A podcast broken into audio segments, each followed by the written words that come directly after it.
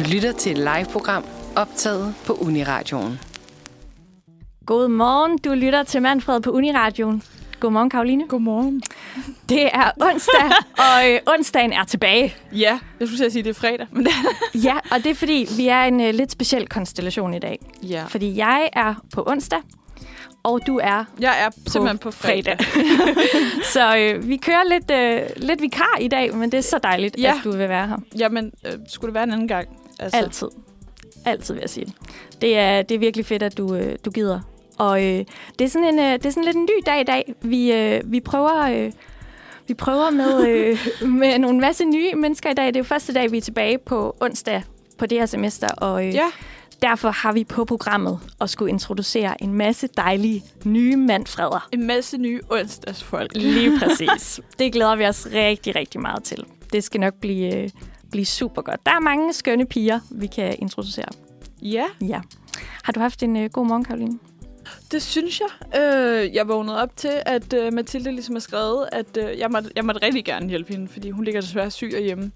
Øh, så det... Øh, så, men der var, jeg var vågen, for jeg tænkte næsten godt, at da hun skrev i går, at, at jeg skulle herind i dag. Øh, men det har været meget stille og roligt. Jeg har ikke lige, øh, der har ikke været noget sådan det vilde.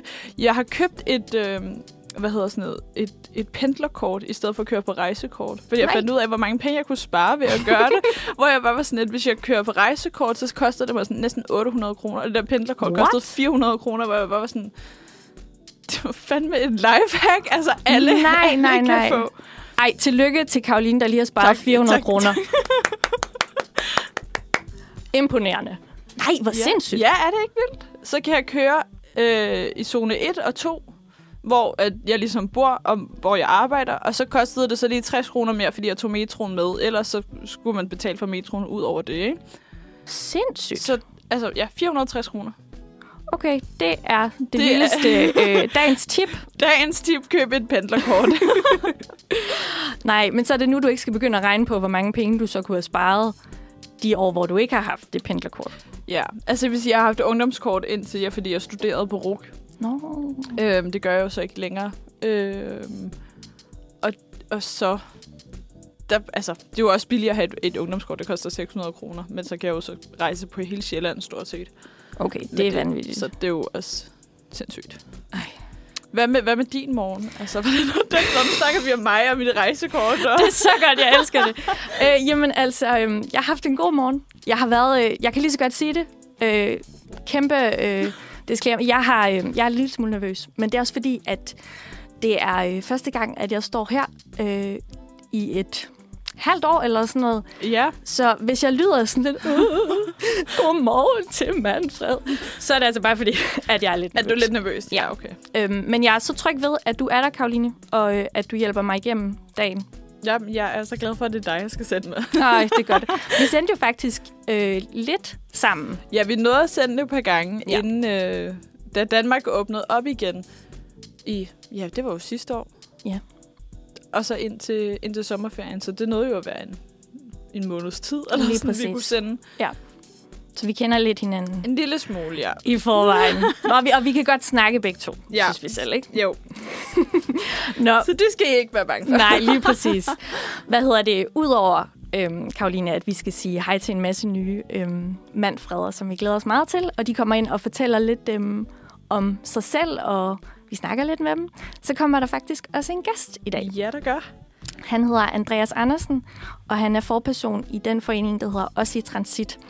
Og han kommer her omkring 9.30, og vi skal nok øh, vi glæder os til at høre om, hvad Os i Transit er. Jeg kan godt lige lave en lille teaser, at det er altså noget med, at når du står i den der overgang som næsten færdig med at være studerende og til at skulle ud på øh, real life arbejdsmarkedet, hvad er det lige for den overgang, det er? Og det kan være mega usikkert, og hvilket job kan man få? Og så det er sådan en, øh, det er en forening, hvor for folk, der lige øh, står lige i den Tager, tager folk i hånden Lige og præcis. hjælper dem lidt på vej. har brug for noget inspiration. Ja, så øh, ham glæder jeg mig helt vildt meget til at snakke med. Det bliver super fedt. Ja, jeg kan godt afsløre, at jeg er øh, langt fra færdig. Men, øh, det, det er jeg så heller ikke. men, øh, men det er, øh, der er jo sikkert rigtig mange lyttere, der, der står i den situation. ja. Øhm, og vi kommer jo også til det på et tidspunkt. ja, forhåbentlig. forhåbentlig når vi at blive færdige med et eller andet. Ja, det satser vi sygt meget på. øhm, skide godt. Og nu, Karoline, skal vi sige velkommen. Ja. Velkommen til, Mathilde. Tak. Mathilde, du er øh, ny mandsfreder Ja, her på onsdagen. det er jeg. Det er så dejligt, at du vil. Øhm, kan du ikke lige bare for, lige helt kort først til lytterne sige, øh, hvem er du? Hvad, hvad studerer du? Hvad, hvad laver du? Hvem er du? Det er jeg. Jamen, Kæmpe øh, spørgsmål. Jeg hedder, som I så fint siger, Mathilde. Mm. Øhm, jeg er 23, og øh, så studerer jeg film- og medievidenskab på KU, nede på KUA. Spændende. På Ja. KUA. Ja. Dejligt. Og øhm, Mathilde, hvorfor vil du egentlig gerne være med i Uniradioen? Jamen, altså, faktisk er det noget, sådan, jeg har tænkt på, lige siden jeg startede på studiet, der fik jeg sådan en god introduktion til alle de studieaktiviteter, man kunne lave. Fedt. Og jeg synes bare, det lød så fedt. Men jeg tror, jeg har været lidt bange. Mm. Eller sådan det der med sådan, okay, så committer man. Altså sådan, jeg føler, det ligesom at gå til en fritidsaktivitet eller sådan noget. Ja. Og sådan, så var jeg sådan, ah, og jeg vil jo alt. Altså sådan, jeg vil prøve alt. Så nu føler jeg, at jeg har tid og tør at stille mig her og være med. Så jeg er mega excited. Fedt. Det er så dejligt, du vil. Øhm, Mathilde, du har taget noget med, vi skal snakke om i forhold Ja. til dig. Ja. Kan du ikke lige fortælle lidt om det? Jo, jeg vil jo vildt godt snakke om, hvor jeg er fra. Ja. Fordi at jeg er fra Odsad. Nej. Og der, jeg synes, nu er det begyndt sådan at, at, at blive lidt op med, at folk godt ved, hvad det er. Øhm, på grund af Doggy Style. Fordi den udspiller sig i Odsad. Ah. Eller primært på Odden. Og Odsad, det er jo sådan en, en hel kommune, faktisk. Så når man sådan siger, at man er fra Odsad, så for mit vedkommende er jeg jo fra Høve, som er en by i Odsad. Men det sjove er sådan, alle, alle der kommer fra Odsad, om de så kommer fra Asnes, eller Odden, eller Høve, eller whatever, de siger jo, at jeg er fra Odsad, fordi der er ikke nogen, der ved, hvad de der små lortebyer er. Vel? Mm, ja. Så, Så- der er større chance for, at man ved, hvad det er. Så Odshavet er ikke én by. Nej, det er en kommune. Okay. Og jeg ved faktisk ikke, om det er andre steder i Danmark, man gør sådan noget med at sådan... Men det er jo totalt udkendt Danmark, så sådan... ja. altså kan du fortælle lidt om Odshavet? Fordi Ja, jeg må indrømme, Ja, ja. jeg, er, jeg er blank øh, Ja. på det geografiske område. Ja, men det er sådan hjørnet, altså sådan venstre hjørne af Sjælland. Der oppe ved Odden, og så lige sådan et lille stykke ned. Hmm. Det er sådan, det er Odsad.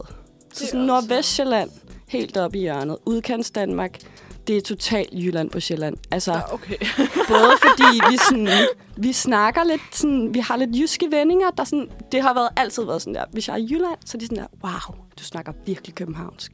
Og sådan, hvis jeg er i København, så er de sådan der, er du fra Jylland? Sådan, nej. og sådan alle de der stereotyper, sådan udkants Danmark, altså vildt dårlig kollektivtrafik. Nå. Boy, altså man skal have en bil. Det skal Ja. man bare. Jeg, kan- jamen, jeg kan godt forestille mig det. Ja. Altså, jeg har... Okay, det er så godt, at jeg ikke Odshavet, men det er Tisvilde. Men der skulle jeg i sommerhus med tog og bus derop. Og altså, hvis det bare er halvt så besværligt. Ja, men det Altså er, altså sådan, jeg kan lige så godt sige, der hvor sådan, jeg bor med, eller der hvor min mor bor nu, og der hvor min far bor nu, du skal jo gå sådan der tre kilometer, eller sådan, før Nej. du kan komme til noget, der kan gå. Altså sådan, så jeg har haft en bil, siden jeg var 18, fordi altså, ellers kan jeg ikke komme frem og tilbage. Ej. Så det er sådan ægte landet. Ægte landet. Altså Ej, sådan, plus sådan, altså jeg har, været, jeg har kørt markræs, altså traktortræk. vi har vidderligt, min mor har en gildesal, og sådan, der står en sømblok. Og sådan, vi kan Nej. godt, vi har før sådan der en aften, ej, skal vi ikke gå ud og slå søm i? Jo, lad os gøre det. Altså, så Ej. bare slået søm i sådan en aften. Fedeste fritidsaktivitet. Jeg føler, jeg føler, det er sådan en eller anden, det, sådan- det er bare noget, man hører om. Ja. Det, er sådan, men det hører man om, at det sker ikke rigtigt. Det er ikke ægte. Det er bare sådan en skrøne, der Det er det ikke. Det kan jeg love jer for, det ikke er. Hvor er det godt, vel? Ja. Og så er der jo også sygt mange kendte nu, der er fra Odsad. Oh, kan du nævne nogen? Ja, altså, Doggy Star er jo hende, der er instruktør. Det er Emma, rigtigt. Anna Havdal, hun Ja. er jo fra Odsad, og hun har faktisk gået på Odsads Gymnasium, som jeg har gået på. Oh. Nikolaj Kopernikus Er han er fra Hørve, hvor jeg er fra. Har gået på Nej. Hørve skole, hvor jeg også har gået. Har gået på samme gym, som er jeg ret sikker på som mig. Det ved jeg faktisk ikke. Men det, det jeg jo lige fandt ud af i går, ham instruktøren fra Flugt, der lige er nomineret Ja, til tre Oscar, Oscars. han er vokset op i Valkilde og har gået på Odsads Gymnasium også. Nej. Altså, what? Sådan. Det vidste jeg ikke. Okay, du er fra sådan en by, hvor at de uddanner talenter. Ja, det er Ja. totalt talenterne kommer fra Odsad. Altså Så så sådan, watch me. Jeg kom, sindssygt. Ja, jeg skulle lige til at sige, kan vi så regne med, at øh, om fem år, så er du øh, Så- så- nomineret til en Oscar? så er jeg nomineret til en Oscar. Nej, det er måske ikke lige. Om Men, 10 år så. men altså, der er håb, ikke? Selvom Jo. man kommer fra sådan et lille område. Ej, jeg er vild med det. Altså, jeg, jeg har gået på samme gymnasie som Helle Thorning, så Okay. det kan være, at vi har en filminstruktør og en statsminister. Ja, ja, ja. Okay, jeg har gået på mit Fyns Gymnasium. 300 elever, og det var super fedt. Au. Nå, øhm, hvad hedder det? Du har taget et nummer med, Mathilde, som Ja. vi sådan skal høre, som er dit nummer. Ja. Øhm, for lige introducere det for os kort. Ja, men øh, det er med G-Eazy, som kind of drug, og det er simpelthen, fordi jeg er sådan en G-Eazy-sucker. Jeg har set ham tre gange, eller sådan tre-fire gange til koncert, og den her, play, den her sang går igen på min playliste hver gang. Some kind of drug. Ja. Altså, nu spørger jeg bare lidt dumt, men er det sådan en... Øh, er det, er det hvordan kan jeg sige, forbudt? Forbudt? Altså, Jeg tror, det, er det, er det politisk korrekt, det vi skal til at høre i radioen nu? Det kan man jo diskutere. Vi har, øh, vi har fået en ny, dejlig Manfreder ind i Det- studiet. Ja, det har I jo nemlig. Velkommen til, Natasha. Mange tak. Det er så dejligt, at du vil, at du vil være her. Selvfølgelig. Jeg glæder mig rigtig meget. Fedt. Øhm, kan du ikke lige hurtigt, ligesom Mathilde gjorde lige før, øh, bare lige hurtigt sige, hvad studerer du? Hvem er du lige kort? Det kan jeg i hvert fald. Fedt. Jeg hedder Natasha. Mhm. Jeg bliver også kaldt Nat, så det synes jeg, at I skal gøre, hvis I har lyst til det. Så er jeg 23, bliver 24 her i næste uge. Tillykke. Mange tak. um, og så studerer jeg faktisk også film- og medievidenskab sammen med Mathilde på fjerde semester. Mhm. Så vi hygger os rigtig meget med det. Mm. Mega godt. Mm. Dejligt. Og øhm, hvorfor, hvorfor vil du gerne være, Hvorfor vil være du være? Manfred? Ja, hvad, hvad tiltrækker dig ved Uniradioen? Jamen, jeg synes bare, det lyder mega spændende, Mm. mm. og nu studerer jeg jo film- og medievidenskab, så hele det her univers, det var noget, jeg gerne ville prøve kræfter med. Og nu har vi jo produceret film på sidste semester, og jeg prøvede at skrive en artikel, så nu tænker jeg, nu er det lyduniverset, vi skal begynde lidt Mm. at lege med. Helt sikkert. Ja, så Så er det i hvert fald et godt sted at, Ja. at komme ind og prøve. Mega godt sted. Du har ligesom Mathilde også taget, øh, taget en ting med om dig, eller noget, der siger noget om dig. Ja, jamen øh, jeg vil gerne snakke lidt om, hvor jeg bor henne. Ja. Og så vil jeg også snakke lidt om, at jeg har en tvillingesøster. Nej, hvor Ja. sejt. Ja, okay. men, men vi er så tvækket, så vi ligner ikke hinanden. Okay. Øhm, men øh, det er jo noget, der betyder mega meget for mig, for hun er jo min bedre halvdel, så at sige. Og vi har fulgt det ad, ja, lige siden min mors mave til gymnasiet, øhm, hvor vi nu så er gået to vidt forskellige veje. Jeg er jo på humaniora-stien, hvor min søster, hun er startet på CBS, så hun okay. er blevet en rigtig ja. Så det er jo noget helt andet. Så hun øh, knokler med matematik, hvor at, øh, det er noget, jeg slet ikke kan finde ud af. Nej, det... Ja, så det, det er ret sjovt. Øhm, men vi er faktisk, vi, vi kan ikke rigtig undvære hinanden. Så vi er faktisk blevet naboer. Nej, Nej. fedt. Det er ret sjovt. Hvor bor I henne? Jamen, vi bor faktisk i min forældres gamle bar. Og det lyder jo noget så eksotisk. Så der er ikke så langt, når vi skal i byen, jo. Så den står på øl hver dag. What? Ej, ej det ikke, ikke helt. Det er Den du simpelthen nødt til lige at forklare. Hvordan kan man bo i en bar? Jamen, det er jo fordi, at øh, den er blevet renoveret. Så det var en bar, mine forældre ejede dengang, at de var unge, og så har ejet øh, ja, lige siden. Øhm, og så øh, var det sgu tid til, at øh, vi skulle flytte til København. Og så tænkte de, nu laver vi nogle lejligheder. Øhm, Fuck, hvor fedt. Ja, så vi bor i, i to forskellige øh, lejligheder. Men øh, vi kan banke på inde hos hinanden, så det, øh, det er mega fedt. Ej, hvor godt. Ja, så det, det er vi mega glade for. Øhm, og det, var, det er faktisk lidt sjovt, fordi dengang mine forældre var unge, så tror jeg faktisk også, det var der, de mødte hinanden.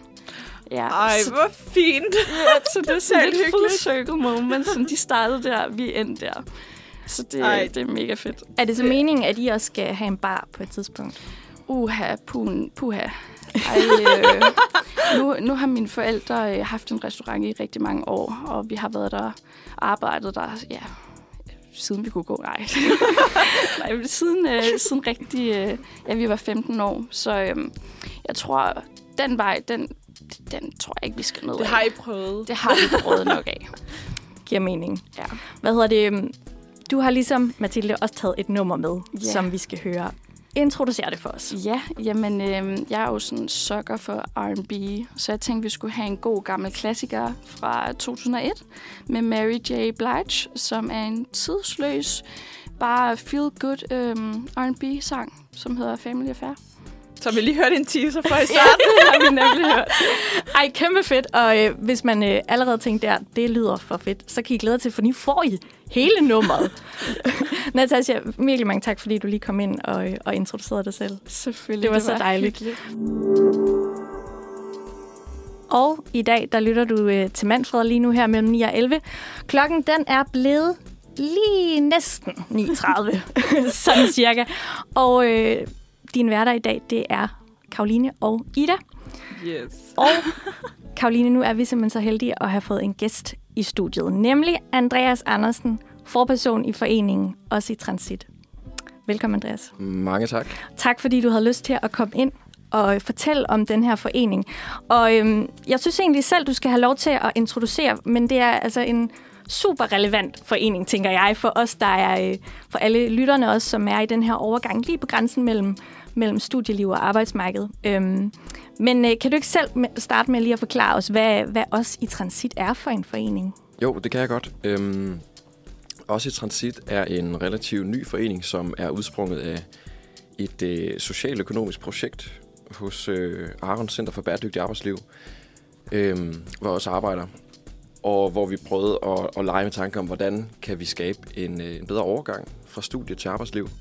Øhm, fordi vi kunne ligesom se, at der, der er et, et eller andet, øh, der ikke spiller optimalt for alle i hvert fald, og jeg har også selv været i den overgang øh, relativt for nylig. Altså jeg blev færdiguddannet i 20, sommeren 20, og havde et halvt års tid, hvor jeg var ledig og øh, var flyttet til København, og der var nedlukning, og det var, det var virkelig hårdt. Mm. Øh, og, øhm, og vi havde gået i gang med at, at designe det her projekt, og tænkte, nu skal vi have søgt nogle penge til det, og, og det var lidt op ad bakke at lige at få skærpet ind, og hvem er det, man skal rette det ind til, og så gik vi sådan set bare i gang for et år siden og tænkte, nu, øh, nu prøver vi det bare af, for det at leve.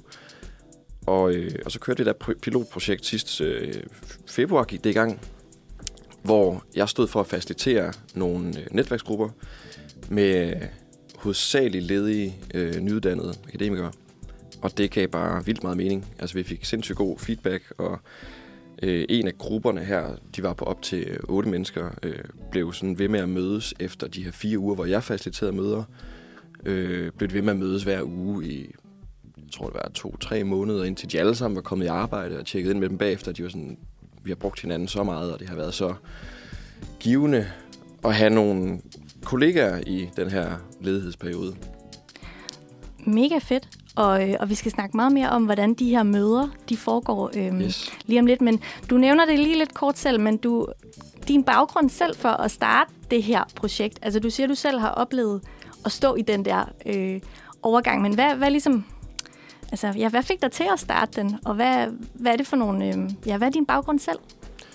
Altså min baggrund er, øh, jeg er uddannet i øh, anvendt filosofi fra Aalborg Universitet øh, i Aalborg. Og, øh, og jeg var i studiepraktik herovre. Også hvor jeg arbejder nu faktisk. Øh, og jeg havde en medpraktikant. Og, øh, og en del af det, vi laver hos Arne, det er også, at vi, øh, vi, vi laver projekter, der sigter til at skabe, altså fremme et mere bæredygtigt arbejdsliv. Og vi arbejder med mig og min medpraktikant. Øh, hun var fra øh, læring- og forandringsprocesser. Øh, og vi arbejder lidt med, hvad, hvad, hvad kunne vi byde ind med idéer til sådan projekter? Fordi vi har selv været ude på den måde i sådan en professionel fuldtidsjob, øh, arbejdsliv. Og vi kommer så begge to fra nogle uddannelser, som er sådan lidt... Øh, ikke, jeg ved ikke, hvad jeg siger, funky, men det er i hvert fald ikke, su- ikke sådan super professionsrettet i hvert fald. Filosofi, ja. ja. Filosofi og, og læring af forandringsprocesser simpelthen. Så vi gik i gang med at undersøge, hvad, hvor står vi selv? Hvad har vi selv erfaring med? Og der kan vi simpelthen se, der er noget med den her overgang, som for det første er noget, vi kan mærke på folk, vi kender, og lidt os selv. Vi kan se det på sociale medier og læse det i fagblade og sådan noget. At der er et eller andet her. Og så er det der, ideen faktisk opstod, det tilbage i altså efteråret 19 faktisk, øh, hvor vi begyndte ligesom at, at sætte gang i, i ideen om, hvad kan man så gøre? Og det udspringer også af, at i Arven, altså vi er ikke en politisk organisation, vi går ikke ind og lobbyerer for ting, eller på den måde påvirker det sådan samfundsmæssigt, sådan makroniveau. Øh, vi gør mere end arbejder på individ- eller gruppeniveau. Så vi tænkte, hvad kan vi gøre på del af de niveauer? Og så tænkte vi, hvis der nu var nogle fællesskaber af en art, der kunne tage hånd om det her, og som ikke var så afhængige af øh, de etablerede instanser, altså jobcenter, ikke? Altså, men man kunne lave et lidt mere selvkørende, lidt mere altså simpelt setup, Hmm. som kunne, kunne være med til at afhjælpe nogle af de her problemer, som ikke altid handler om, at du ikke har været på det her kursus, eller ikke har været, men mere bare handler om, at du faktisk står alene i en livsovergang, eller overgang mellem, livs, mellem livsfaser. At hvis man kan skabe en eller anden sammenhæng, du kan indgå i, hvor du får lidt af det der, du også havde på studiet, øh, og lidt af det, du måske også får på en arbejdsplads, men som du ikke har, når du er imellem de her ting. Altså et slags fællesskab, der kan, du kan læne dig ind i, når der er ting, der er nye eller svære, eller du ikke ved, hvordan du skal håndtere.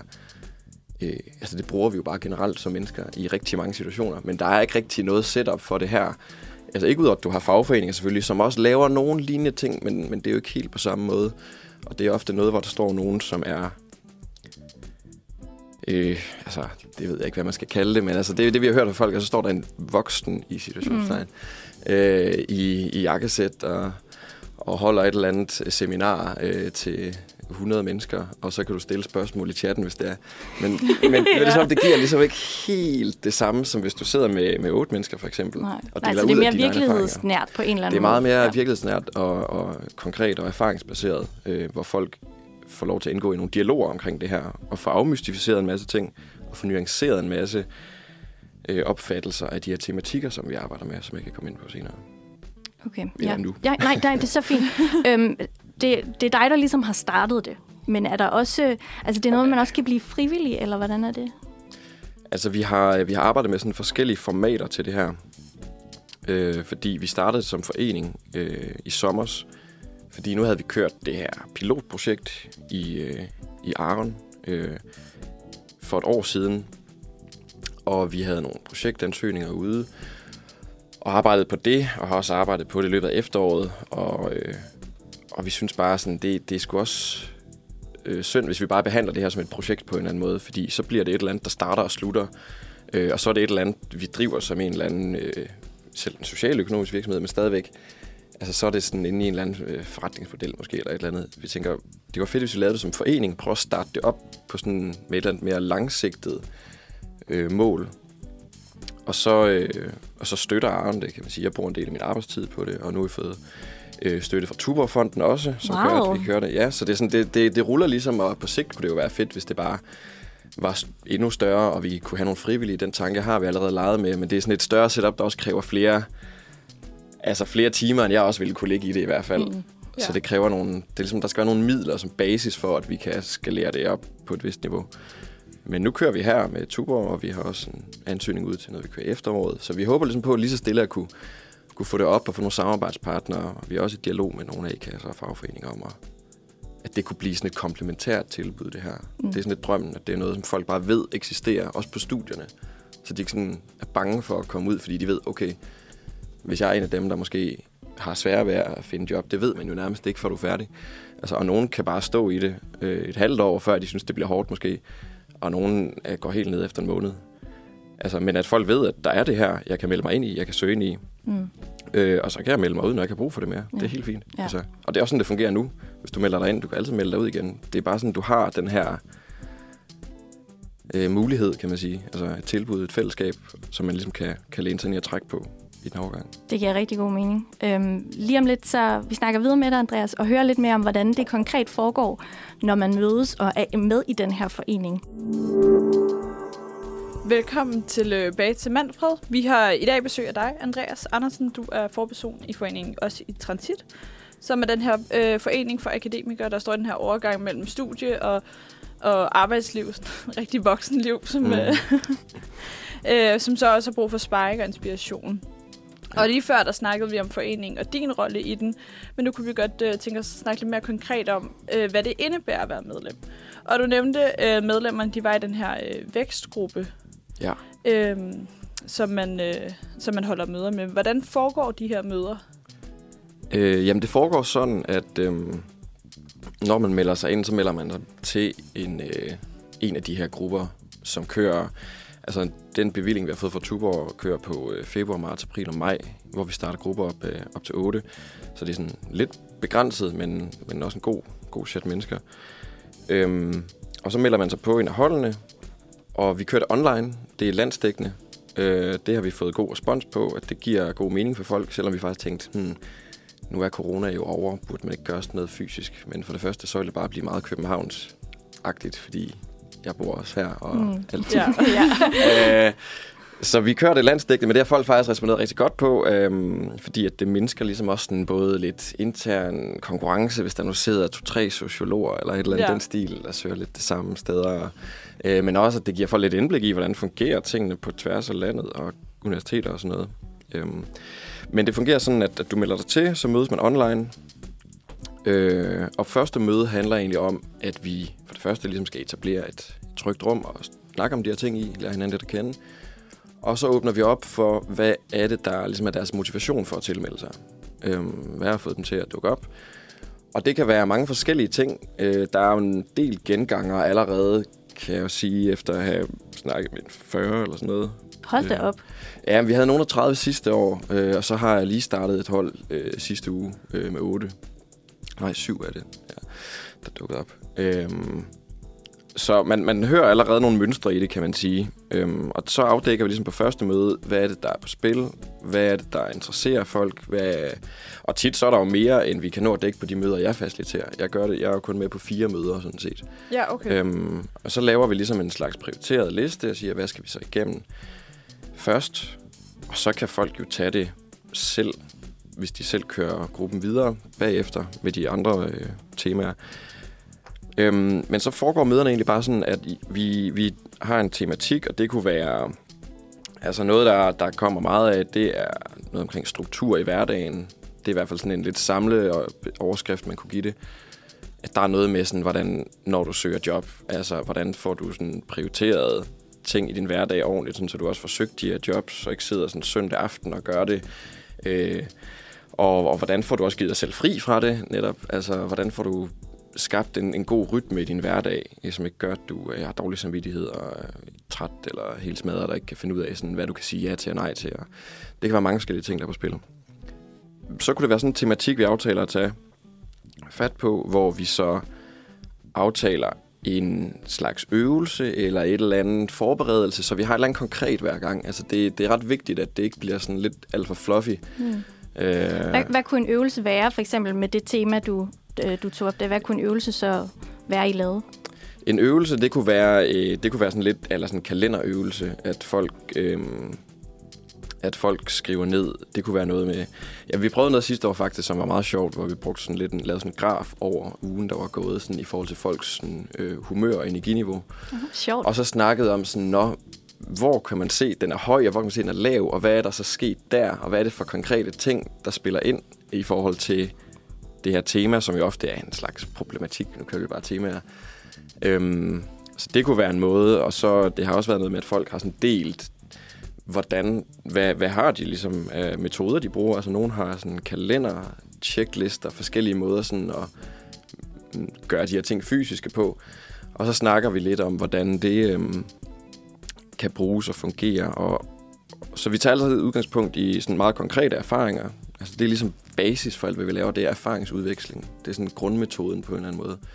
At det skal ikke blive for abstrakt, det skal handle om ting, folk har oplevet, øh, og, og kan, kan tale om ud fra deres eget levede liv.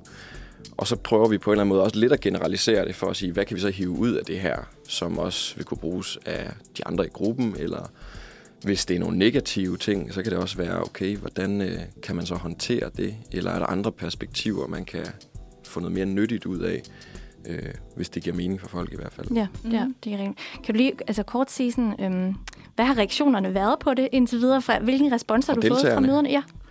Øh, jamen, den har været, den har været god. Altså, øh, nu har jeg kun haft et møde her i det her nye projekt, kan man sige, hvor vi har sådan ændret nogle små ting fra sidste år. Og sidste år, hvor jeg, altså, kastede jeg mig også bare ud i det, ikke? Og, så det var sådan meget fra hoften. Øh, men der var folk sgu også glade for det, det vil jeg sige. Altså, de, øh, folk øh, siger jo, at det er, nu nævnte jeg det der med sådan at have kollegaer i, i overgangen. Det er noget, der er nogen, der har sagt i hvert fald om det. Det synes de, de fik ud af det. De siger, at de får øh, altså, mere sådan ejerskab. Altså nogen siger agens. Ah, De er jo akademikere også. altså, øh, dejligt ord ellers. Men altså, så, så det er noget med sådan, altså, få noget ejerskab, få nogle flere handlemuligheder, opleve, at du ikke er så meget øh, en, en brik, der bliver skubbet rundt imellem de her forskellige kontrolinstanser, eller også tilbud jo, som det er. Men ja, for det er også vigtigt at, at understrege, at vi gør heller ikke det her som sådan en eller anden måde at sige øh, fuck jobcentret på, eller A-kassen eller noget som helst. Vi, øh, vi snakker faktisk også tit om ting, man hører hos jobcenter, A-kasser og fagforeninger, og bruger det. Øhm, så det er ment som et komplementært tilbud, hvor, hvor det også kunne være en tematik. Hvordan får du, altså, arbejder du bedre sammen med dit jobcenter? Fordi folk, der er sgu mange, der har problematisk relation til deres jobcenter. Så hvordan kan man arbejde med det?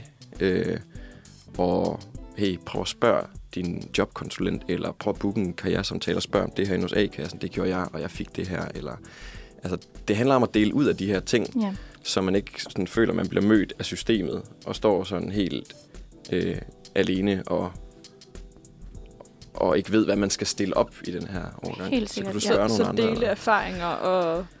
det der og- med at dele erfaringer, ja. det er ja. i hvert fald helt centralt for det, ja.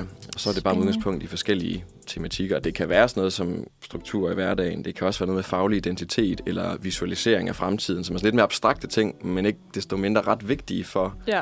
hvordan du har det, og hvad du gør, i, øh, når du prøver at komme ind i arbejdslivet. Du lytter til Manfred på Uniradioen. Vi har stadig besøg af Andreas Andersen fra foreningen Også i Transit. Dejligt, du stadig lige vil være med os. Andreas.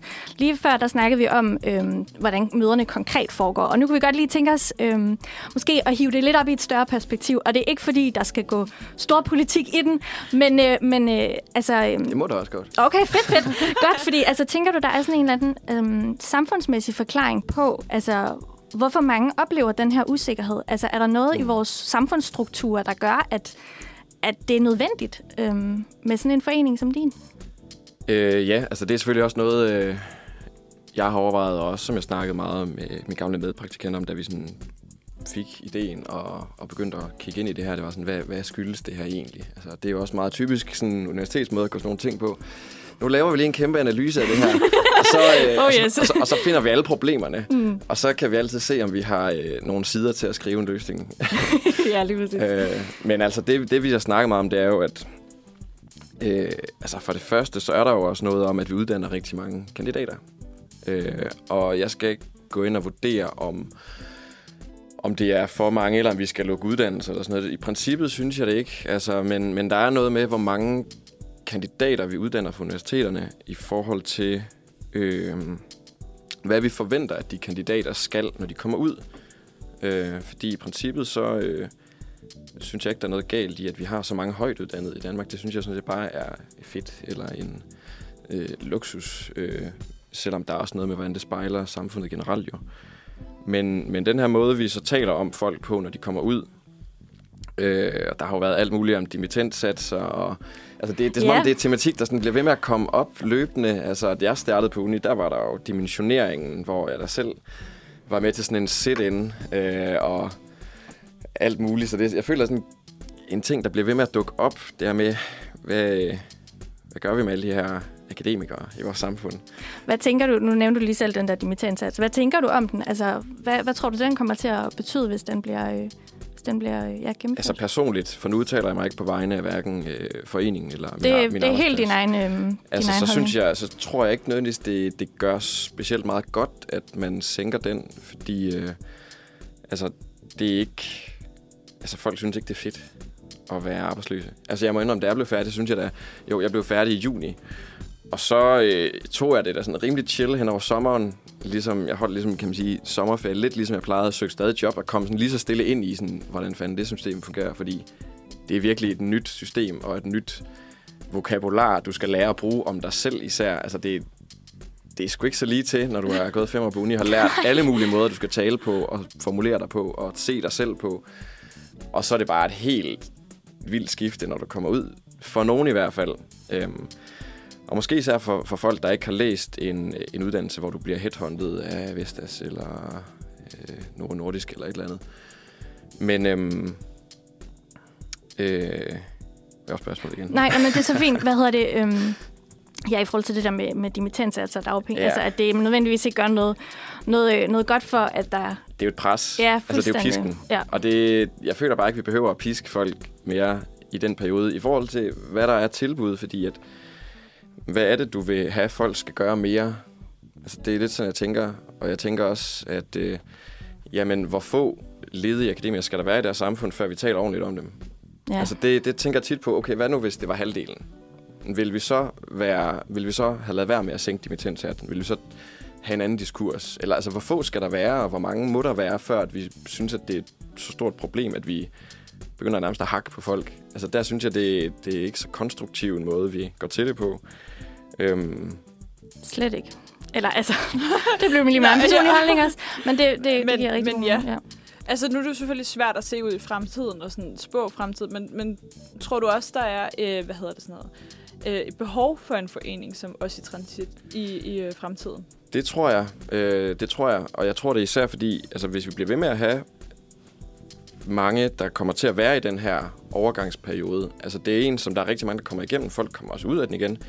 Men det er som om, der er jo også en lidt en, en, en konstant mængde, eller ikke en konstant, men der er en mængde hvert år i hvert fald, som så længe den er sådan relativt høj, øh, så tror jeg, der er brug for et eller andet initiativ i den periode. Og øh, altså, jeg ved ikke, det kan også være, at det var noget, som, som fagbevægelsen, øh, fagforeningen kunne gå ind og, og gøre. Øh, nu håber jeg selvfølgelig, at det er noget, vi skal gøre. ja. men, øh, men, men jeg tror, det er godt, altså så længe, så længe at, at der er den her periode, og at vi kan se, at folk i den periode ikke har det super fedt. Øh, vi har også sådan øh, lidt samarbejde med den her forening, der hedder LONA, Landsorganisation for Nyuddannede Akademikere, der lige har lavet sådan en trivselsrapport, som ikke tegner et super fedt billede af, hvordan folk går har det i den her periode. Altså så længe det er sådan, tingene er, så er der brug for at gøre et eller andet, sådan, så vi også på en eller anden måde kan spare penge for virksomheder og samfundet, fordi det hjælper sgu heller ikke noget, at folk de går ned med stress eller depressioner, før de er kommet i job. Og heller ikke, at de kommer ind i deres første job og er super pressede, eller bare tager whatever det skal være, og har det helvedes til med det. Altså, øhm, og det er jo derfor sådan en tematik, vi også arbejder med, som er lidt abstrakt med det her med værdier, eller øh, visualisering af fremtiden, faktisk også er ret vigtig. Fordi øh, det handler altså også om, at du kommer det måske ikke det sådan ene endegyldige rigtige sted hen. I hvert fald det bedste, du selv har refleksionskapacitet til at rette dig mod, Helt sikkert. hvis man kan sige det på den måde. Jamen, det Øhm, synes jeg godt. Det, det lyder, det giver rigtig god mening. det er i hvert fald bare spild af menneskelig potentiale, og også øh, øh, penge og psykologtimer, og øh, altså, medarbejderomsætning i virksomheder koster også kassen, ikke? Altså, så lad os sørge, at folk lander bedst muligt, når de kommer ind i arbejdslivet. En forening med kæmpe potentiale, ja. tænker jeg. Øhm, Andreas, helt kort til sidst. Hvis nu man gerne, hvis nu man tænker, yes, det her, det skal jeg bare. Hvad er det så, man gør for at blive medlem? Jamen, det nemmeste, det er nok egentlig bare at google os i transit. Godt. eller finde os på LinkedIn eller Facebook. Eller, men altså, man skal egentlig ind på den her hjemmeside, hvor man tilmelder sig. Øhm, og det nemmeste, det er at google det, fordi det er inde på Ja. cfba.dk-os bindestreg, du ved.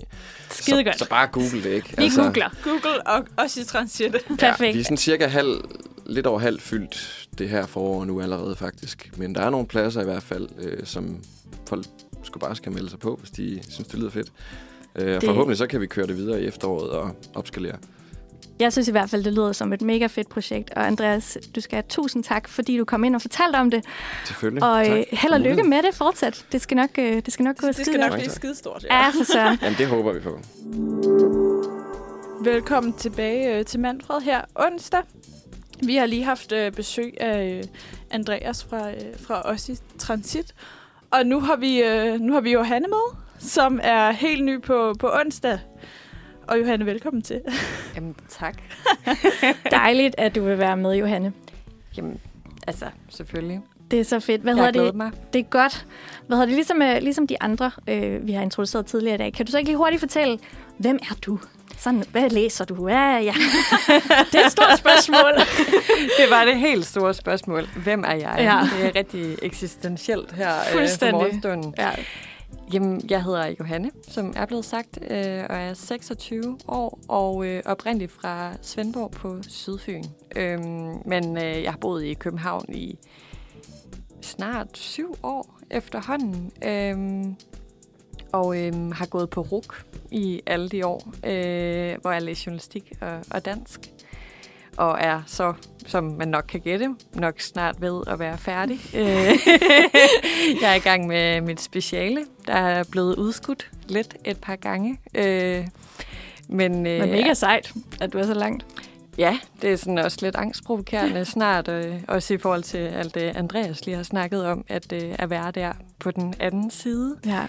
Så det her, det er også lidt min sidste mulighed for at lave noget frivilligt uni-agtigt. Øh, og jeg har, altså jeg har skrevet meget. Øh, jeg, som jeg også sagde, altså jeg læser journalistik, øh, og øh, er egentlig efterhånden en okay gavet journalist på skrift. Men øh, jeg ville bare så gerne lave noget radio.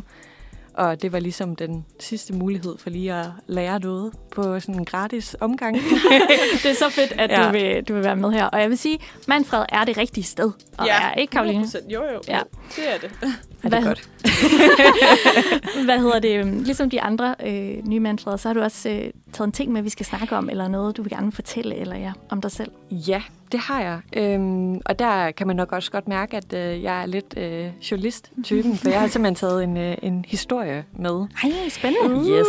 Jamen, øhm, altså jeg er, det tror jeg, det bunder i, at jeg er rigtig kulturinteresseret. Altså, der er snart efterhånden ikke et tv-program, eller den tv-serie, eller den film, jeg ikke har, har set, eller i hvert fald lige ved noget om. Så jeg sad naturligvis i går eftermiddag, så fulgte med, da alle Oscar-nomineringerne blev øh, ja. Annonceret. det gør jeg også. Ja. Ja. Jeg kommer hjem fra arbejde. Ja, altså, og det har jeg efterhånden gjort i altså en, øh, en del år efterhånden. Jeg synes, det er sjovt, og selvom jeg ikke nødvendigvis har set alle filmene, eller ved, hvad de handler om, så kan man godt blive sådan lidt obsessed af det der med, hvem bliver nomineret, hvem gør ikke. Øhm, og der tror jeg, ligesom mange andre danskere, som Mathilde også nævnte her tidligere øh, i programmet, øh, at øh, Flugt, øh, ja. den her danske animationsdokumentarfilm, er blevet nomineret Helt til vildt. tre Oscars. Ja. Også i tre. Der er aldrig nogen film før, der har fået en nominering i de her tre kategorier på samme tid. Og det er jo animationsfilm og dokumentarfilm og internationale film. Det er helt vildt. Og det, det, det, er jo sådan, altså det siger jo måske også noget om, hvor særlig en film det er, at altså animationsdokumentarer er jo forholdsvis sjældne. Øhm, så det er også sådan lidt sjovt med at se på de forskellige sådan, film, de konkurrerer med. Det er jo meget sådan forskellige. Det er jo alt fra sådan Disney-film til seriøse dokumentarer til øh, sådan øh, japanske og norske og italienske film. Ikke? Altså, det er jo virkelig spændende Ja. ja. at se, hvordan det går med det. Hvordan, hvad, har du selv set den? Nej, øh, altså, men jeg har simpelthen spottet nok ligesom mange andre, at den kan ses gratis på DRTV. Åh, oh, fedt. Godt. God lige øh, Ja, en god lille service. ja. Så det tænker jeg, ligesom øh, mange har været inde og se Candice-filmen. Øh, Så god Så dokumentar, det vil er jeg godt lige mega sige. Ja. god dokumentar. Det ved jeg også, der bliver snakket lidt om på fredag. Igen en Uh. teaser. ja, spændende. Så tænker jeg også, at den garanteret er noget, bliver noget af det mest streamede inde på ja. DRTV i de næste par dage.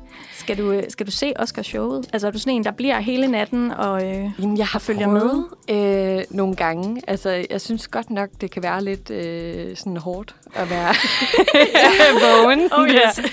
Men øh, altså, jeg gad faktisk godt i, i år, også fordi jeg synes, at øh, jamen, altså, det er sjovt. Øh, det var noget af det andet, jeg sådan, synes var spændende, da jeg sad og kiggede på nomineringerne i går, at der efterhånden er mere og mere blevet en trend med, at internationale film, altså film, der ikke er engelsksproget, også bliver nomineret i de store kategorier. Øhm, jeg sådan lagde særlig mærke til, at øh, den her norske film, øh, Joachim Trier, der hedder Verdens værste menneske, blev nomineret til bedste manuskript. Øhm, og det synes jeg er sådan... Altså, og en japansk film, der hedder Drive My Car, blev nomineret til bedste film og bedste manus og bedste instruktør. Og det er jo bare sådan...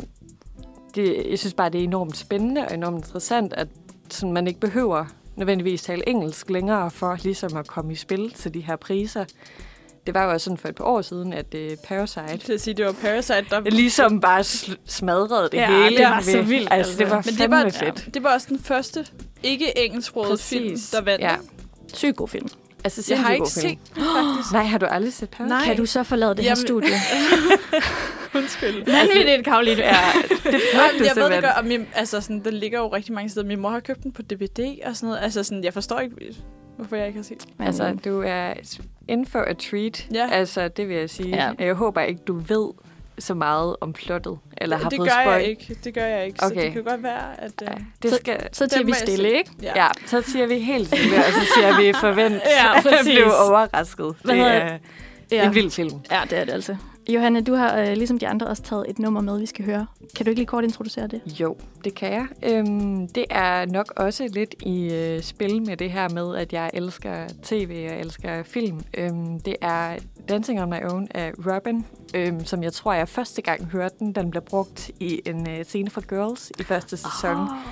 hvor at to af hovedpersonerne danser rundt til den her sang. Og jeg synes bare, det er så fint et billede på, på venskab. Øhm, og det jeg føler også, den her altså, sang, for mig i hvert fald, er det en af de bedste sange ever. Den er også sygt god. Det er sindssygt god. Ja. Skal vi ikke bare høre den, og så øh, tak Johanne, fordi du lige kom ind og introducerede dig. Vi glæder os til at lave meget mere radio med dig. Tusind tak. Vi har fået en ny ind igen. Mange nye ansigter, det er dejligt. Mange nye ansigter, og det er ikke engang mig, der skal være herinde. Jeg lærer bare alle at kende det. Mega fedt. Hyggeligt. Men i hvert fald, Signe, vi har fået dig ind. Og kan yes. du ikke lige hurtigt sådan introducere dig selv, ligesom alle de andre piger har gjort? Altså, jeg hedder Signe Marie, og jeg er ved at tage en kandidat i teater- og performance-studier ude på øh, Sønder Campus, som det jo hedder nu. Det er det. Dejlige mundrette. Lige præcis, ja. Øhm, og så er jeg fra Odense, øh, eller som fra Odense City, som vi siger derovre. Oh. Vigtigt, at det er midtbyen. Ja, så- præcis. Ja, Det ja. er der ikke Midtby, men City, ikke? City, ja. Ja. Øh, meget international. ja, øh, The International City of Odense. Exakt, ja. Øhm, ja, jeg har også været lidt ude på Rukkergård lidt, og fandt ud af, at det var ikke lige det, og så ja, startede på Teater Performance Studie. Jeg er rigtig glad for det. Det er jo et super niche-studie, et virkelig, virkelig lille studie ude på KUA. Men øhm, hvis der sidder nogen derude og interesserer sig for teater, så kan jeg virkelig anbefale det. Fedt. Det var meget sådan tilfældigt. Jeg faldt over det studie og var sådan, nå, hvad kan man det her herude på Københavns Universitet? Hvad er det akademisk? Og det er det, og det er rigtig spændende. Dejligt. Og øhm, du får også lige spørgsmål, som de andre har fået. hvad, hvad, hvad fik dig til at søge på Uniradioen og lave radio? Jamen altså, jeg bruger virkelig også meget min tid på at høre podcast og ja, radio, og jeg tror altså bare, jeg godt jeg kunne have tænkt mig, eller jeg har tænkt mig, hvad hedder det, øhm, jeg var med til at tilrettelægge sådan programmer og være aktuel og ligesom, ja, sætte sig ind i nogle spændende ting og formidle alt muligt stof. Ja. Det kan jeg godt forstå. Virkelig. Hvad hedder det? Øhm, øhm, Du har taget noget med, som vi skal snakke om, eller du skal fortælle om, eller et eller andet i forhold til dig. Ja, Hvad Altså- skal vi... øh, Hvad er der på menuen? Ja, altså, jeg studerer jo teater performance studier, men øhm, nu har der jo ikke været så meget teater her det sidste tid på grund af corona, så alt har jo været rimelig lukket ned. Så jeg har for alvor kastet mig over tv-serier. Øhm, som mange andre nok også har. øhm, ja, jeg synes, altså jeg har i lang tid ligesom manglet en ny comfort-serie. Mm. Øhm, og jeg har set virkelig meget Friends, og jeg har set How I Met Your Mother, og New Girl, og Sex and the City, og sådan, har set det så mange gange nu. Jeg er sådan, okay, nu er det 2022, nu bliver jeg simpelthen nødt til at finde noget nyt. så jeg har simpelthen kastet mig over Gilmore Girls. Oh. Jeg, Ja. har, jeg har set den første sæson, og så Ja, ved jeg ikke lige, så begyndte jeg at arbejde noget mere, og sådan, så har jeg bare ikke rigtig fået gjort det. så gik du lidt død i Ja, så gik jeg lidt død i, det Det kunne være, at jeg skulle Ja. se det igen. Hvad, Gilmore Girls, nu øh, spørger idioten herover. Ja. Ja. Hvad er det for en serie? Det er en serie, som lige nu ligger på Netflix. Hvad hedder det? øhm, Og den handler om uh, Lorelai og Rory Gilmore, som bor i den her lille fiktive by, der hedder Stars Hollow. Øhm, og som er sådan en lille bitte by, hvor alle kender hinanden, og så følger man sådan lidt deres små hverdagsproblemer og deres kærlighedsaffærer, og den er bare sådan super... Altså, jeg vil beskrive den lidt som sådan et form for virtuel kram. Og ja, det er det altså, bedste. den sådan er sådan rigtig hyggelig. Sådan en, Ja. man bare kan sætte på, og så sådan, Præcis. man behøver ikke forholde sig til den, men Nej. den er bare... Og den er nemlig lige på, altså, så perfekt spændende, at man stadig lidt kan koncentrere mig, st- men stadigvæk også sådan, jeg kan godt lige tjekke Instagram Ja. og stadig følge med, ikke? Øhm, og det synes jeg bare er vildt dejligt, og sådan, så er den også bare sådan ret feministisk på nogle punkter, og den har Hvordan bare, er den det?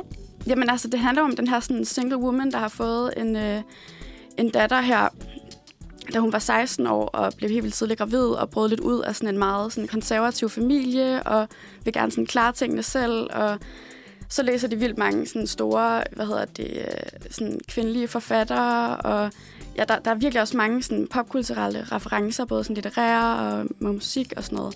Så jeg synes sådan virkelig stadigvæk, at den kan noget nu, selvom den alligevel er fra sådan noget, jeg tror 2000 eller sådan noget. Ja, slut Ja. 90'erne, Ja, starten slut- af 00'erne. Ja, lige præcis. Fedt. Det Ej, der, den så- lyder mega relevant lige Ja. nu. Eller Ja, sådan, netop. Men, men den er nemlig den er god, fordi det, selvom den er gammel, Ja. så er den stadigvæk altså, god til nutid i sådan... Ja, den er stadig ret samtidig på en Ja, eller anden underlig måde. præcis. Eller sådan, jeg føler også lidt, den har fået sådan lidt en revival. Uh, nu er der også kommet den der nye... Eller jeg har lige set, at der ligesom er lavet sådan en... Uh, One Year and Gilmore Girls, eller sådan, sådan noget lidt efter alle de der sæsoner er kommet ud, så er det ligesom kommet noget nu, nej, sådan noget 10 years after eller et eller andet, øhm, som jeg selvfølgelig ikke har set endnu, fordi jeg er også i gang med første sæson, og man er bare sådan blevet så optaget af det, Øh, så det vil bare virkelig give som en anbefaling videre til folk, der ikke, endnu ikke er kommet i gang med den endnu, og har været sådan lidt, åh, det kan også være, at det ser lidt kedeligt ud, og, sådan, og det er jo bare sådan, det har bare lidt den der sådan 90'er vibe. Det er sådan en rigtig feel good. Ja, Ej, godt. Ja. Ja, Lige det, man har lyst til, også sådan i februar, hvor det hele er sådan lidt... Øh, Ja, ja sådan lidt koldt, og Ja. man kunne godt sidde sådan med en god varm kop varm kakao, eller... ja. Sådan en søndag, ja. hvor man bare alligevel ikke rigtig... Præcis. Ja, Sådan, den er netop. rigtig god til det. Også de spiser sådan sindssygt meget junk food og drikker, Ja. og drikker virkelig meget kaffe, og man får bare sådan, man bliver bare sådan, Kaffe og "Åh, så må jeg pomfritter." godt. Ja, Så det, præcis. Det, det er bare... Ej, det lyder som den perfekte kombi. Altså, det er rigtig søndagsserie, ja. Netop, så fedt. Mega fedt. Ej, den, øh, den tror jeg, jeg skal se. Ja. Hvad hedder det? Du har taget et nummer med. Ja, Hvad er det, vi skal høre? Vi skal høre øhm, lige en helt anden genre nu. Men øh, Bailando med Enrique Iglesias. Uh. Yes, øhm, fordi at jeg engang troede, at jeg skulle hvad hedder, leve af den salsa og bo i Spanien og lære tale spansk og alt muligt. Drømmen. Ja. Ja, præcis. Og det skete ikke rigtigt. Men øh, så uddannede jeg mig til Zumba-instruktør, der var helt ung. Og så, øh, så dansede jeg Zumba i Tyrkiet i stedet for. Okay. Hvilket også er virkelig underligt. Men øh, ja, og så tror jeg bare derfra, altså det har jeg jo ligesom ikke gjort i mange år nu, men derfra er det bare sådan, når der den kommer, øh, der hvis man står på, på disco dasko, så skal jeg bare ind og danse. Det lyder så fedt. Skal vi Ja. ikke lige prøve at få lidt stemning, Jo, så lidt disco-stemning her klokken 20 over 10. Øh, dejligt. Øh, vi glæder os sindssygt meget, Signe, til at snakke mere med dig. Og øh, lad os danse lidt til Bailando. Det er nemlig Manfred, du lytter til. Hvordan- Fik vi sagt det nok gange, tror jeg? tror det ikke. Godt. Din hverdag i dag er mig, Ida, og øh, overfor mig sidder Karoline. Og øh, det er så dejligt. Vi, øh, vi har haft en skøn øh, dag indtil videre, synes jeg. Og øh, nu, Karoline, skal vi til et øh, meget fast indslag, vil jeg sige. Vi Ja. kører det tit, og vi elsker det. Fordi at øh, hvis du nu nogensinde befinder dig i den der situation, hvor du sidder i den gode gamle saks, altså den der, hvor øh, du jeg, har et dilemma, som lige sådan, åh, hvad fanden skal, sørme, undskyld, skal man lige øh, gøre ved det? Altså, så er du altså langt fra den eneste, fordi at øh, cyberspace, det, øh, det boomer af sådan nogle, øh, oh my god, historier øh, med rådvilde danskere øh, og uforløste dilemmaer og sådan noget.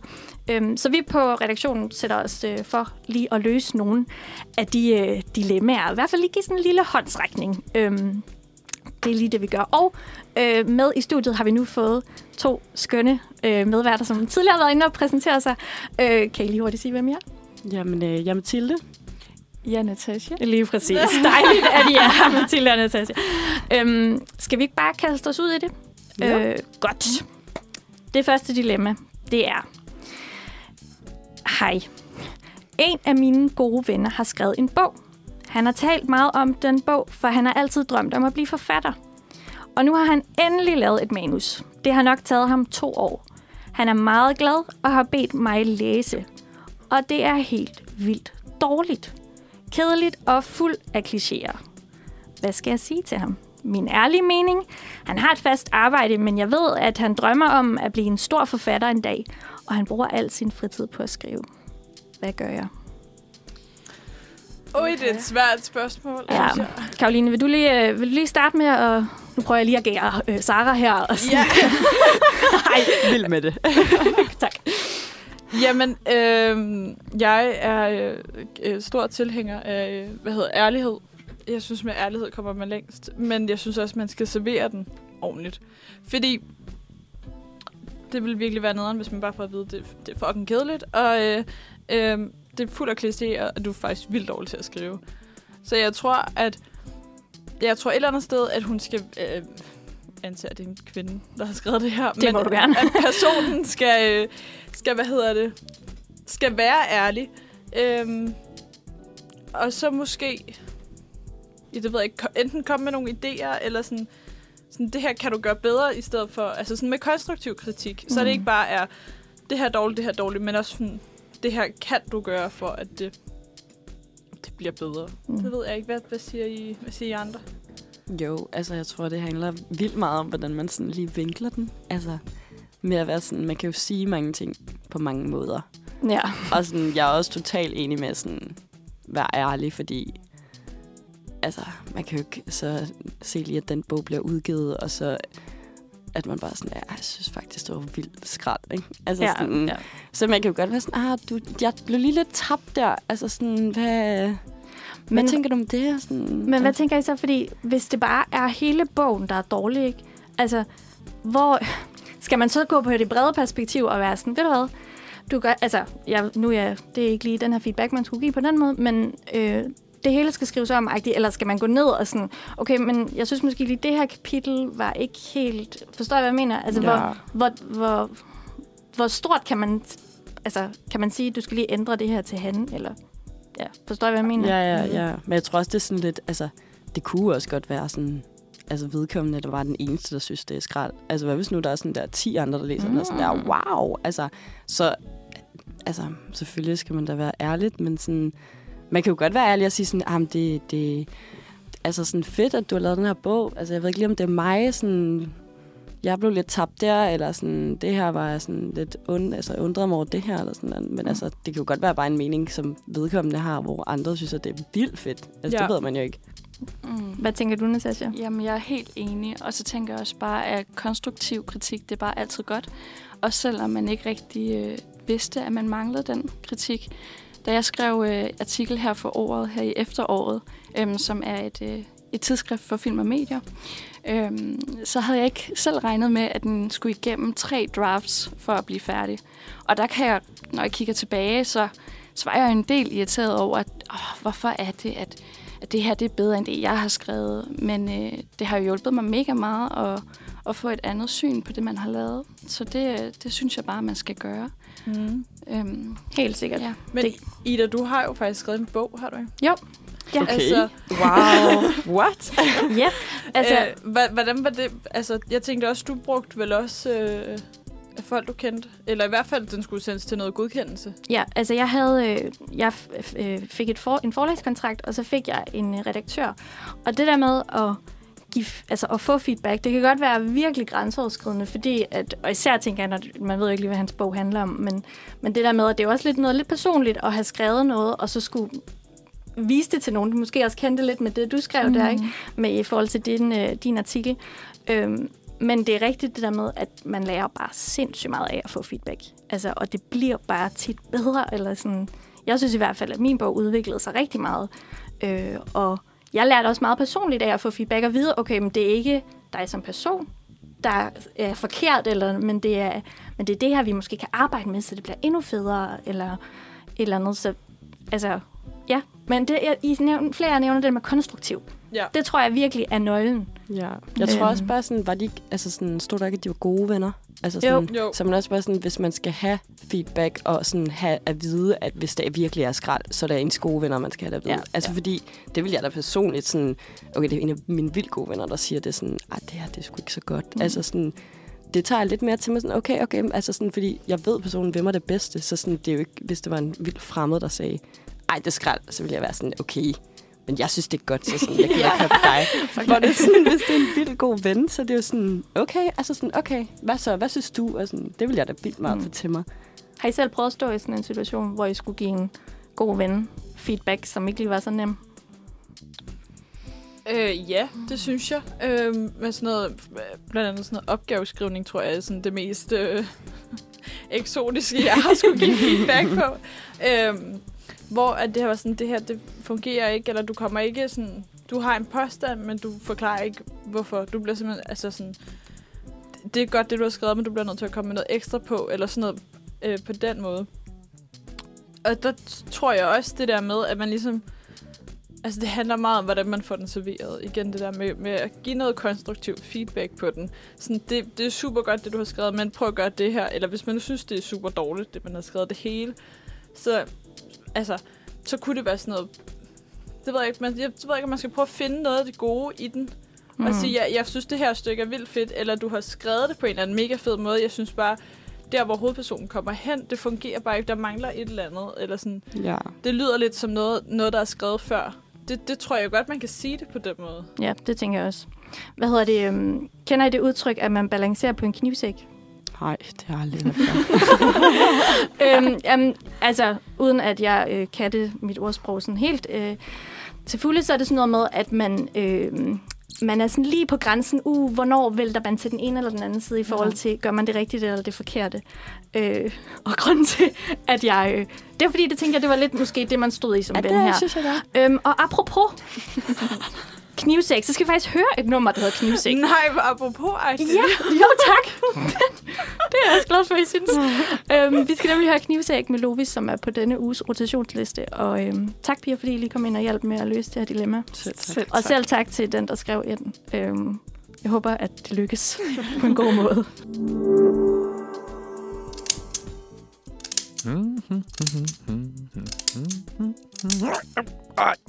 Kaffe.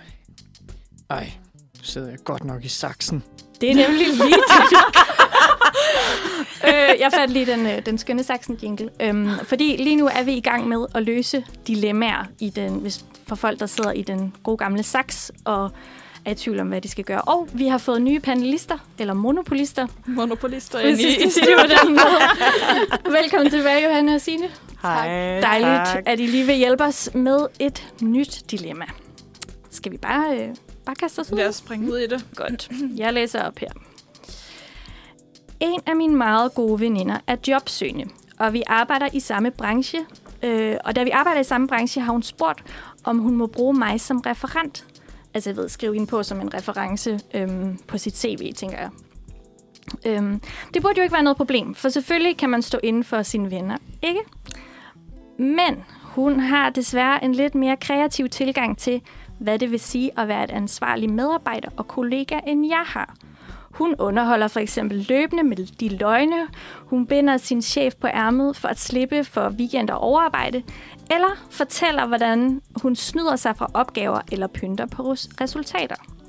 Jeg er i syv sind, for jeg vil jo helst ikke risikere, at noget falder tilbage på mig, hvis jeg anbefaler hende til nogen i mit netværk. Omvendt vil jeg jo gerne hjælpe hende. Hvad gør jeg? Au. Ja. Uha. Den er, den er svær. Er der nogen, der har lyst til at starte? Altså, jeg kan godt begynde. Altså, jeg tænkte egentlig ret... Altså, langt hen ad vejen, så tænkte jeg sådan, okay, hvad er problemet i at være en reference, hvis det ikke er, fordi hun vil arbejde samme sted som dig? Men så kom den der med sådan, er der noget, der falder tilbage på mig i den her branche, hvis det er mig, der anbefaler hende? Og der var jeg sådan, okay, der begyndte jeg sådan ligesom godt at forstå, hvor problemet ja. lå, og hvorfor det er svært at, altså, at, at stå inden for nogen, hvis man holder af dem, men så samtidig sådan tænker sådan, du bliver fandme en elendig medarbejder for alle. Altså, man bare venter på, hvornår det går galt. Øhm, jeg synes faktisk, den er virkelig, virkelig svær. Ja. Altså, fordi jeg vil synes, det, altså, jeg vil umiddelbart sige, at hun skulle passe på sin egen karriere, faktisk. Og så måske bruge en undskyldning, altså hvide løgne, øh, er jo, synes jeg egentlig er en god ting. At Enig. sige, at sige øh, jamen altså jeg er bare ikke, altså jeg, vil, jeg synes også, det faktisk var ret mærkeligt at bruge sin veninde som reference. Altså det er jo sådan typisk, altså en, altså en redaktør, eller en chef, eller en, der har sådan været over dig i hierarkiet. Altså, jeg vil aldrig bruge, øh, sådan, selvom jeg har veninder, der er i samme branche som mig, så vil jeg aldrig bruge dem som en reference. Så jeg tror egentlig bare, jeg vil sådan sige, jamen, det, det kan du da ikke. Du kan jo ikke bruge mig, eller sådan, vi er for personligt involveret mm. i Hmm. hinanden. Ja, så tag den personlige og sige, Ja, ja. det ville se mærkeligt ud på et CV. Hvis, Ja, ja, fordi ja. det synes jeg også er en helt valid undskyldning, faktisk. Helt så man sikkert. ikke behøver at gå ind i det der med, du bliver også en elendig medarbejder. Hvad tænker du, Signe? Jeg synes faktisk, det er virkelig svært. Øhm, altså jeg tænker lidt, det her med at være en reference er jo også mere til, at den, man ligesom ansøger ved, kan ringe til referencen, ikke? som jeg forstår det i hvert fald. Øhm, altså, så man kan sige, der er jo heller ikke så meget på spil, hvis... Altså, jeg ved heller ikke, hvor meget... Nu er jeg jo selv studerende, så jeg har ikke været sådan vanvittigt meget ude på jobmarkedet selv på den måde. Øhm, men det her med, om, om hun overhovedet kommer til at blive ringet til, om hun bliver, ligesom bliver brugt, om det bliver husket, om hun egentlig også bare på den måde også kan være en rigtig fin hjælp til sådan, okay, øh, hun er bare vouchet for, uden at hun ligesom personligt benødt kan sige til sådan den, øh, hvad hedder det, chefen, der måske ringer eller et eller andet, altså skal ligesom sælge hende. Øh, og jeg synes virkelig, det er svært. Jeg tror heller ikke personligt, at jeg selv vil bruge mine venner som reference, fordi at der jo også, jeg synes også, der er sådan en balance mellem sådan det professionelle og venskabet, for man kan sige, hun kan jo sikkert anbefale hende som en vild god veninde Mm. eller ven. Øhm, men åh, jeg synes faktisk, åh, det synes jeg er lidt svært. Men ja, der er noget med det ja. Ja. der med sådan at bruge sin veninde som en reference. Ja, præcis. Er, er der lidt problematisk i? Ja, altså jeg vil sige, øhm, jeg er helt enig med jer, hvad I siger det der med, at, sådan, at hun kan 100% bare trække på det personlige kort og mm. sige, ved du, jeg, jeg synes, det bliver for, for personligt, hvis, hvis altså, der er en, der ringer til mig, og det så er min gode veninde, jeg skal sige noget til. Så den kan hun jo godt bruge. Øhm, men jeg snakkede faktisk så sent som i søndags om faktisk nogenlunde samme dilemma her øh, med min far. Fordi at... Øh, jamen, altså, hvis nu man, man kommer ud for, at, at, at det her sker, altså, der er blevet bedt om at komme med en udtalelse eller et eller andet, sådan, øh, og at man bare ikke kan stå inden for den person. Hvad, hvad fanden skriver min, man skriver, hvad skriver man så i den her reference? Og så min far, han var sådan, du kan jo sagtens bare skrive, øh, personen har arbejdet i den her branche øh, siden november 17, whatever. Mm. Punktum. Øh, punktum. Mm. Fordi som han så selv siger, når han så sidder og, og læser øh, jobansøgninger igennem og CV'er igennem, så ved han, at så har den person nok ikke været skide god at arbejde sammen med, men man har stadig ikke vil være sådan, den her person lyver, og det, det, det. Så tager man en af dem, hvor sådan, personen har været siden november 17 været i gang og har gjort det og det og det og bidraget med en masse ting og været god til altså sådan, så man kan godt som arbejdsgiver se forskel på et på et uh, CV, hvor der står, personen har været ansat siden november 17, og se forskel på et, hvor der står, personen har været ansat siden november 17, hvor der er bare listet op med gode ting. Øhm, Mm. så det kan hun selvfølgelig gøre, hvis hun ikke har lyst til at sådan, sige, at hun ikke har lyst til at være referent. Mm. Men jeg tænker sådan, har man også som veninde et, en forpligtelse til at sige, øh, altså måske starte med sådan, jeg synes, det er en dårlig idé, med, fordi vi er personlige, sådan, men så også sige, prøv at, du har også måske en arbejdsmoral, du skal tænke over. Altså, skal- skal man gøre det som veninde, eller er det bare det, at man tiger stille, og er der nogen andre, der siger det til hende på et tidspunkt? Det, det, det er måske der, sådan, fordi det, jeg tænkte rigtig meget over, da jeg hørte dilemmaet, det var det der med, at hvis de ikke skal arbejde samme sted, så øh, kunne jeg sådan, ligesom dig heller ikke sådan tænke sådan, okay, kommer de til at ringe til hende, eller sådan huske det overhovedet, at hun har været en reference for hende.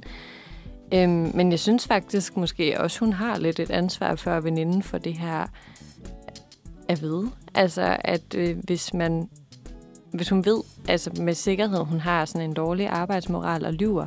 Altså det er også spørgsmålet, er hun nogensinde blevet taget i de her løgne? Altså, Mm. øhm, så synes jeg måske, at man godt, altså hvis man er rigtig, rigtig gode venner, at sige sådan, "Jamen, hvad handler det om, at du har et behov for at, at lyve om de her ting og slippe udenom? Altså i stedet for, at, altså, hvad, hvad, hvad, hvad, bunder det i? Altså er det bare fordi, du ikke gider arbejde i weekender, eller, er sådan, eller handler det om noget dybere? Mm. At du prøver at springe over, hvor gæret er lavest. Altså, det, det tænker jeg godt, man kunne tage en snak om. Ja, også, altså man forestiller sig jo lidt, at de er ret gode venner. Ja. Eftersom hun ligesom også bruger personen som en reference. Så sådan, det er måske en snak, man jo også bare sådan, som en god både ven, men også som en professionel ally på en eller anden måde bliver nødt til bare at tage.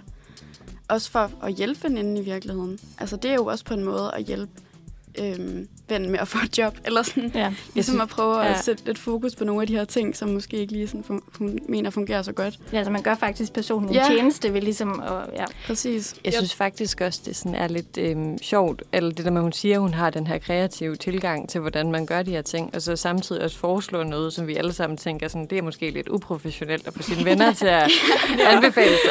Så måske skulle man bare starte den der og sige sådan, jeg synes det her, altså hvis man virkelig skulle være en god ven, altså og sådan tage den på sig og sige sådan, jeg synes det er mærkeligt, du beder mig om det. Øh, og øh, det hænger måske og sammen med nogle andre ting, jeg lidt har sådan spottet ved dig. Mm. Altså i stedet for at sådan, tage den easy way out og bare køre den hvide løgn, som jeg egentlig startede med at sige. man må gerne gøre. skifte mening undervejs i det her program. Det er i hvert fald den nemme løsning, Ja, ja, tænker ja, jeg. Hvide løgn, ikke?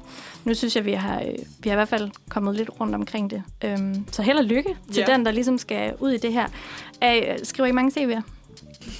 Eller har I skrevet CV? Ja. Ja. Ved I hvad? Øhm, det kan godt være lidt svært men, at skrive det der CV, men så tror jeg også, måske, man skal sætte noget god musik på. Og hvad mere oplagt, end at sætte selveste CV Jørgensen Amen. på. Jamen, altså. Og så med et så dejligt nummer, som koster det der så. Skal vi ikke høre det? Jo, Ja. hvad også det. Så er der fis med stemning her i radioen. Varve har CV Jørgensen. Så er onsdagen er i gang. Ja, ja, nu skal jeg sige, så er vi sgu i gang i weekenden. Men det er igen, fordi jeg er vant til, at... Ja, ej, ja det, er, det er kun onsdag, men halvvejs i ugen. Og øh, vi er også... Er vi ikke halvvejs, vi er faktisk færdige øhm, med, øh, med... med dagens program. Ja, lige præcis. Det, det går sygt hurtigt. Når man, lige, når man tænder for mikrofonen, så går der to timer. Fuldstændig. Det, øh, tiden flyver afsted, og jeg synes virkelig, det har været en dejlig formiddag. Øhm, skønt at få præsenteret en masse nye Manfred, og jeg er allerede sådan, wow, de er vilde og Ja. fede, og sådan, det skal nok blive helt vildt godt. Ja, og mega mange tak, Karoline, fordi du var Jamen, med. det var så lidt. Det er var rigtig godt. Hvad, kan vi lige, altså, nu, øh, nu er der jo Manfred, der er Manfred i morgen, men der er også Manfred på fredag. Måske Der kan er du Manfred løfte lidt sløret for, hvad I skal. Ja, hvad I skal lave? Øh, sidste uge, der, øh, der havde, øh, hvad hedder han, øh, ej, hvor er det pinligt, jeg ikke husker, hvad han hedder nu. Det gør ikke noget. Det, øh, det er nyt, det hele. Nej, jamen han er, han er kendt øh, reggae-musiker. Øh, Bob Marley? Ja, lige præcis. Han Nej, har, okay. okay, ja, fedt. han havde fødselsdag om søndagen, Mm. så vi havde lidt sådan reggae-tema. Nu er der jo kommet øh, Candice for Life Åh. på øh, DR, Ja, så vi kører lidt dansk top-tema på fredag. fedest. snakker lidt om det. Og så er vi jo begyndt på, øh, på øh, anmeld en drink. Så sidste uge, så kørte vi øh, Gin Daisy. Øhm, Hvad er en gin daisy? jamen, det er simpelthen gin tonic og øh, grenadine. Puh, Så det er simpelthen klokken halv 11, der starter vi ud med at drikke. det er godt. Så øh, hvis du øh, på fredag kl. halv 11 tænker, jeg skal have en drink, eller tænker, jeg skal have en drink i aften, jeg ved ikke, hvad jeg skal tage, Så er det bare om at høre med lige præcis. Det er godt. Vi, øh, vi glæder os bare til øh, næste onsdag, hvor vi er tilbage, eller jeg. Måske ikke lige bag mikrofonen, men i hvert fald øh, så er onsdagsredaktionen tilbage, tilbage. Tilbage, ja. på onsdag. Øhm, tusind tak for i dag. Det har været Selv øh, tak. en kæmpe fornøjelse. Nu, øh, nu hører vi lige øh, lidt Justin Bieber. Er det okay med jer? Fordi, ja, jeg er bare glad for Justin Bieber. Lad os bare sige det sådan. Øhm, så øh, her får I lige en dejlig øh, Bieber-sang at gå på, øh, gå på onsdag med. Den kommer her. What do you mean?